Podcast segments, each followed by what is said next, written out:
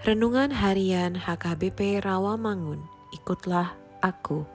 Rabu, 4 Mei 2022 dengan judul Penderitaan selalu datang dengan janji penguatan Allah.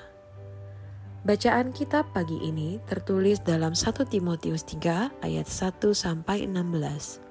Bacaan kita malam ini tertulis dalam Ayub 38 ayat 22 sampai 41.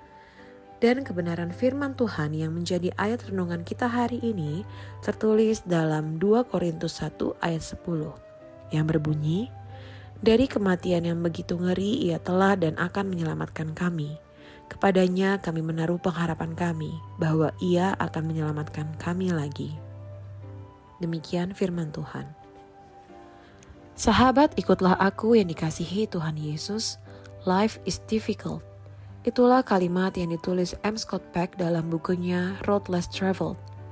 Jalan yang jarang orang mau lalui, jalan yang panjang, jalan yang sulit, tetapi itu adalah jalan yang membentuk hidup kita.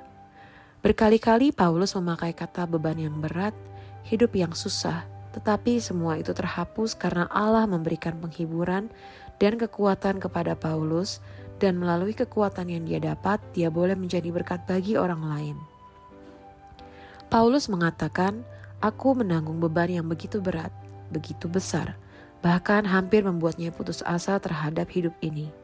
Paulus bukan mau mati, dia bukan mau bunuh diri, dia hanya menyatakan fakta kejujuran yang dialaminya. Mengalami hal seperti itu tidak berarti kurang beriman Mengalami hal seperti itu tidak berarti Tuhan tidak sayang kepada kita. Mengalami hal seperti itu hanya untuk memberitahukan kepada kita, kita adalah manusia yang kecil dan lemah.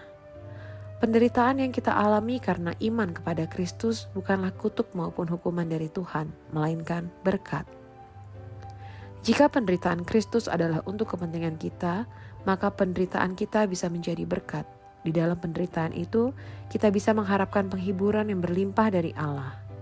Oleh karena itu, penderitaan seharusnya bukan menjauhkan kita dari Allah, melainkan membawa kita lebih dekat kepadanya.